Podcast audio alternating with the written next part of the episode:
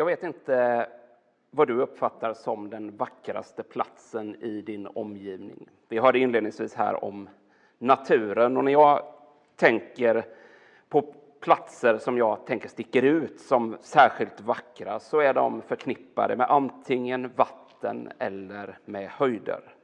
Det är helt enkelt någonting speciellt med platser som ger utblickar. Och om man står på en höjd och blickar ut så finns det oftast en slags magnetism som gör att tillvaron nästan stannar upp inför hur vackert det kan vara. I Bibeln finns ett antal händelser som också utspelar sig på höjderna.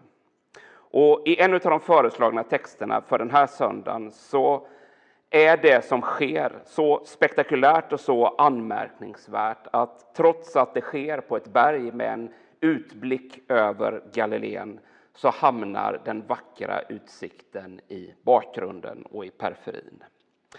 Vi läser från Matteus evangeliet kapitel 17, vers 1-8.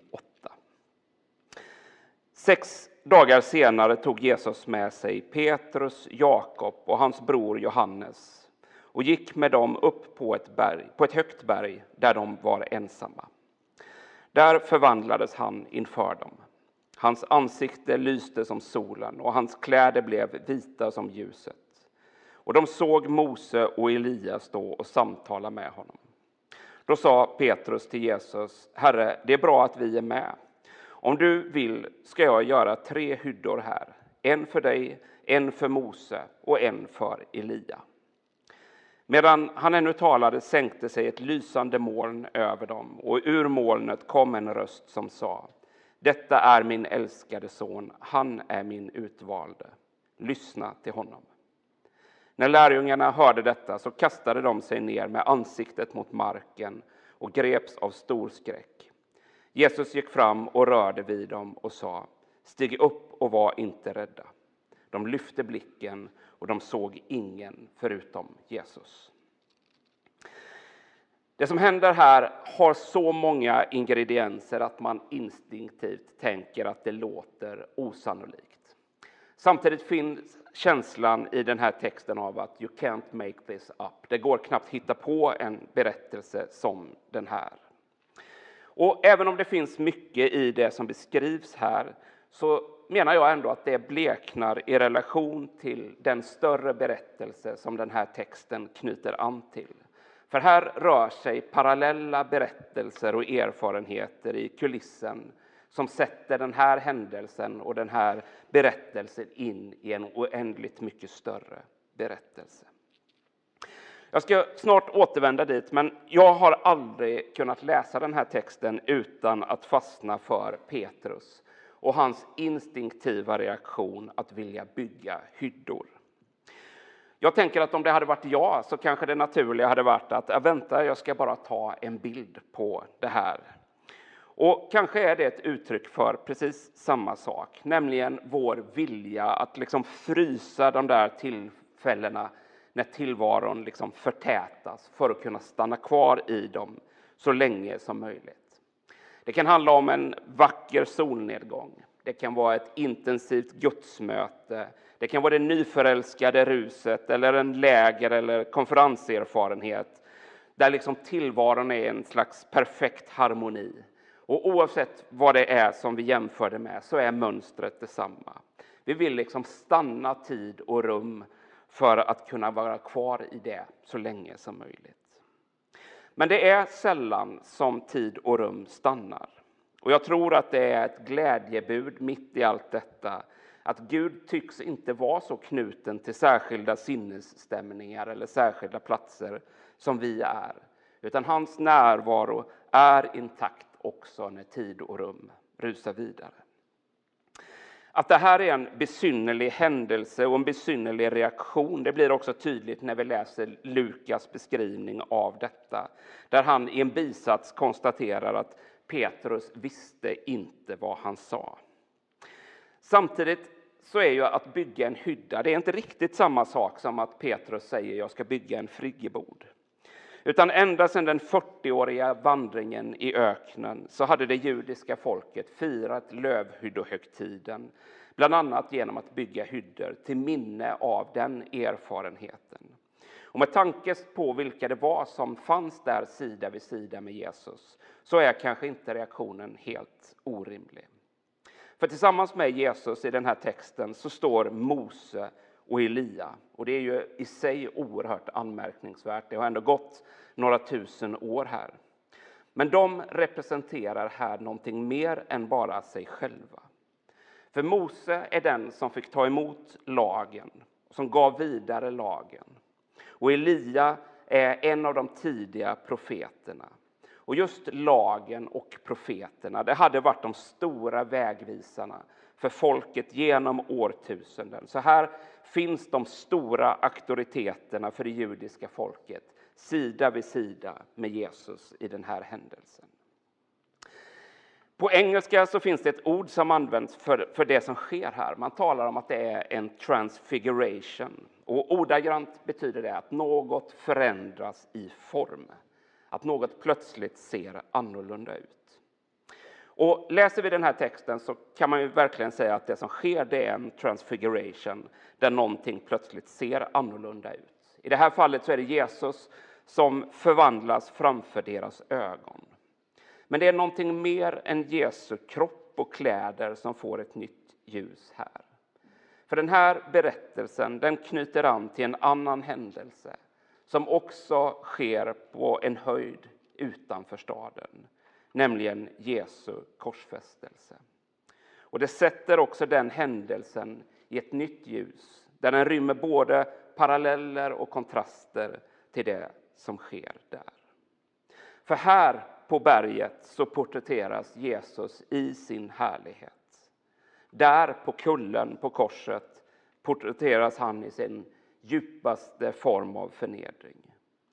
Här skiner hans kläder av ljus. Där rivs de sönder och lottas ut. Här flankeras Jesus av Mose och Elia, representanterna för lagen och profeterna. Där finns han sida vid sida med två rövare som representerar det trasiga och det förlorade. Här somnar, enligt Lukas beskrivning av händelsen, lärjungarna i mötet med Jesu härlighet. Där somnar de parallellt med hans ångest. Här omsluts platsen av ett skinande moln som symboliserar Guds helighet.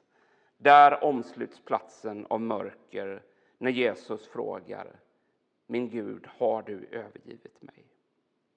Här drabbas Petrus av insikten av hur bra det är att han är på plats. Där gömmer han sig efter att ha förnekat att ens känna Jesus upprepade gånger. Här hörs en röst som deklarerar från himlen detta är min älskade son. Där är det vakterna som har satts att vakta honom som först efter hans död trevande formulerar att den mannen måste ha varit Guds son. Till det yttre så kan två berättelser knappt skilja sig mer åt. Men i Jesus Kristus så förenas de här två berättelserna och erfarenheterna i en person. För det är inte en Jesus som förnedras på korset och en annan som förhärligas här på bergstoppen. Utan dynamiten i evangeliet, berättelsen om Jesus Kristus, det är att Jesus är inte antingen Gud eller människa. Antingen den lidande tjänaren eller den upphöjde frälsaren. Han är inte antingen andlig eller mänsklig. Utan Jesus är både och, inte antingen eller. I honom så helas tillvaron. Och de här händelserna illustrerar hur två till det yttre så olika berättelser kompletterar varandra för att tillsammans teckna bilden av vem Jesus är. Berättelsen från toppen av berget och berättelsen från kullen förklarar och fördjupar varandra. Och det är på berget som vi anar vem den Jesus är som vi senare också återser på korset. Och jag tror att den här berättelsen den vill överraska oss gällande kraften, kärleken och skönheten hos Jesus Kristus. Men den vill också leda oss till att nyfiket lyssna efter hans röst och rusta oss för att också våga följa den rösten. Här finns också fler avgörande händelser i bakgrunden. Det är tydligt att Matteus vill betona paralleller mellan Jesus och Mose. Mose som ledde folket ut ur Egypten för att sedan ta emot lagen på berget Sinai. Och när Moses liv närmar sig sitt slut så får han från Gud reda på i femte Mosebok vad som väntar.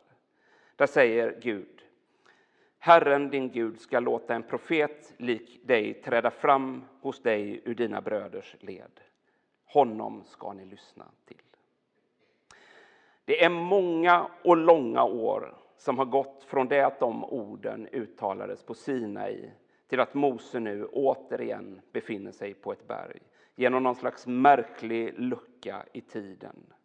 Men väl där så är de ord som hörs väl bekanta. Lyssna till honom.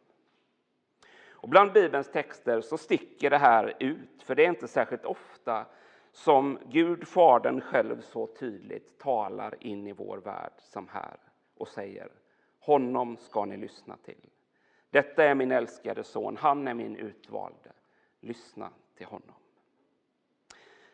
Jag ska ärligt säga att jag ganska ofta tänker att Gud kunde ha varit tydligare. Han kunde varit ännu mer direkt i sitt tilltal. Och det krävs ofta en hel del tolkningsarbete för att kunna mejsla fram Guds röst. Men här råder det inga tvivel om vad Gud säger. Uppmaningen består av tre ord. Lyssna till honom. Och i en värld där så många röster ständigt tävlar om vår uppmärksamhet, där så många röster gör anspråk på att ha sanningen, så menar jag att den kristna trons allra tydligaste, allra bästa och allra mest direkta vägledning är just den. Lyssna till Jesus. Lyssna till honom. I den här berättelsen så finns ett tilltal som också sträcker sig bortom orden, där vi anar hur Gud i Jesus Kristus på ett högst konkret sätt kommer oss till mötes genom att skaparen blir del av det skapade. När jag var ung i mitten på 90-talet så sjöng Joan Osborne sången What if God was one of us? Den frågan får också ett svar i Jesus Kristus. Svaret på frågan hur det skulle se ut om Gud var en av oss, det svaret är Jesus Kristus. Och all kristen tro bottnar till sist i erfarenheten att detta är rösten framför andra att lyssna till. Men vad innebär det då att lyssna till Jesus? Jag tror att det finns många svar på den frågan. Men jag återkommer ofta till en skrivning som rörelsen Korsväg har. Där man beskriver i en av sina vägvisare det på följande sätt.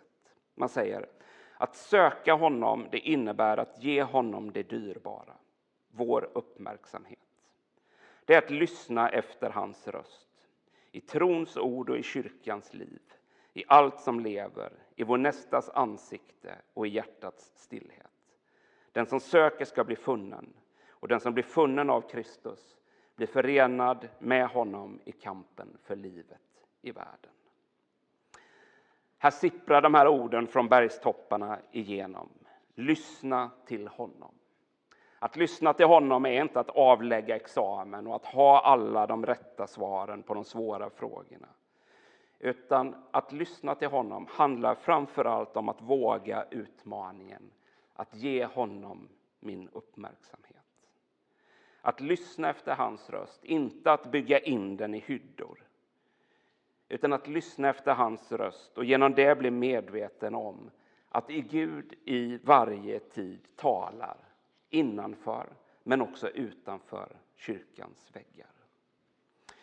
Och jag tänker att hur viktigt det än är så kanske vårt främsta och största uppdrag inte är att göra något eller ens berätta något för andra.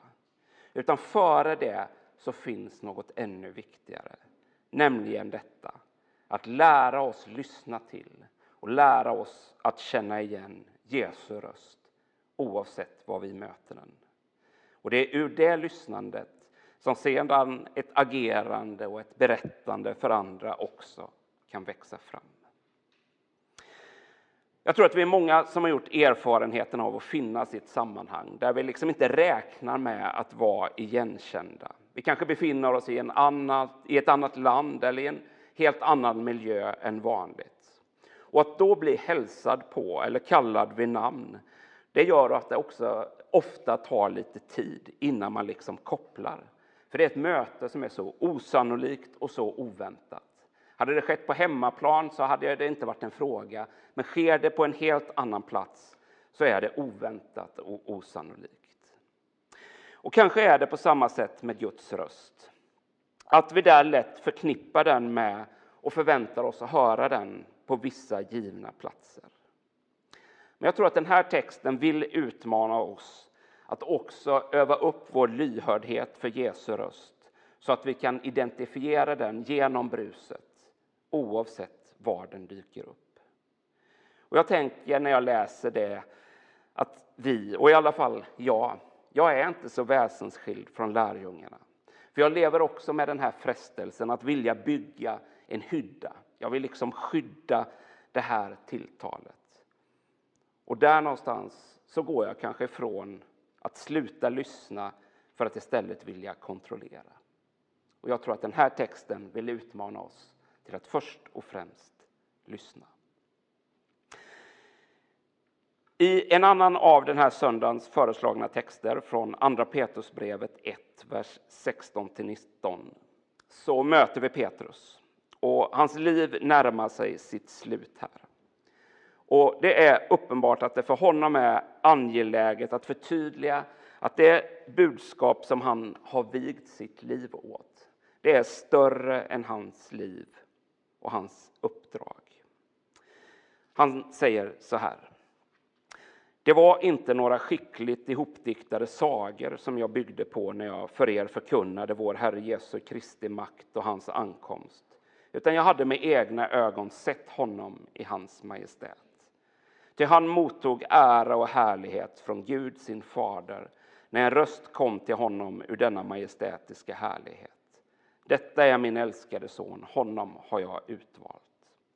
Den rösten hörde jag själv komma från himlen när jag var med honom på det heliga berget. Nu kan vi ännu mer lita på profetorden. De bör ni låta lysa för er som en lampa i ett mörkt rum tills dagen gryr och morgonstjärnan går upp i era hjärtan. För mig så är detta en av de allra vackraste beskrivningarna av Jesus. Jesus beskrivs här som morgonstjärnan och jag tänkte länge att det där låter ju lite poetiskt, att det var ett vackert ord helt enkelt. Men det finns också en annan betydelse i det ordet. Idag vet vi att morgonstjärnan egentligen är en planet och den heter Venus. Men det som är kännetecknande för morgonstjärnan det är att den under de tidiga morgontimmarna lyser klart på stjärnhimlen. Och även om mörkret fortsatt råder runt om och även om det dröjer tills någon ljusning kommer så är morgonstjärnans uppgång löftet om och garanten för att gryningen är på väg även om det fortsatt kan se mörkt ut runt omkring. Petrus har fått se, höra och erfara att Jesus är morgonstjärnan som pekar mot det löfte som säger att ljuset har besegrat mörkret och att det tids nog kommer att bryta igenom i sin fullhet. Morgonstjärnan förkunnar att det finns en röd tråd i Guds handlande genom historien och den röda tråden är Jesus Kristus. Och jag tänker att det är där vi står, 2000 år senare, sida vid sida med Petrus i vad som skulle kunna beskrivas som en interimsperiod eller en slags övergång till något nytt. Där något nytt i Jesus har tagit sin början, men det väntar ännu på sin fullbordan. Där morgonstjärnan har gått upp, men där mörkret ibland kan tyckas ha ett fortsatt övertag.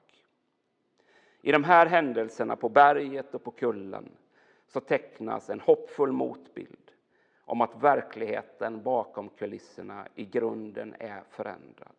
Att det också i en till synes ibland mörk värld finns goda skäl att känna hopp. Låt mig till sist få påminna om någonting viktigt. När det här har utspelats så tar Jesus med sig lärjungarna ner från berget. Ner till marken och ner till vardagen igen.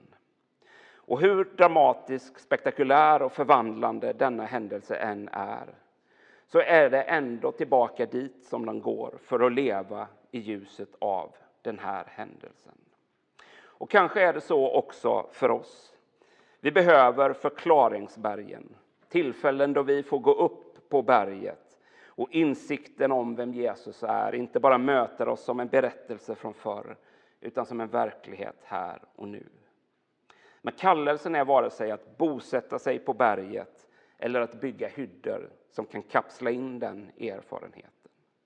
Utan kallelsen är att låta de här händelserna få ge riktning åt våra liv och påminna oss om att också när det är mörkt så förändrar det inte det faktum att morgonstjärnan har gått upp och att ljuset besegrar också det djupaste av mörker. Ska vi be tillsammans. Gud, tack att vi den här sommardagen får vända oss till dig i fascination och tacksamhet för vem du är och för vad du har gjort. Tack att du är både den upphöjde och den korsfäste och att det inte finns någon motsättning i det utan att du förenar tillvaron i dig själv. Tack att du möter oss just där vi finns med det som är våra liv, med allt vad de rymmer Tack att du också vill hela våra liv, som ibland drar åt så olika håll. Vi ber om förmågan att kunna höra din röst mitt i det som är våra liv, bland alla andra röster, i det som kan tyckas vara ett brus. Hjälp oss att kunna urskilja din röst, att höra den och att våga följa den. Tack att du talar och att du vill gott för oss och att din blick ständigt är vänd till oss alla.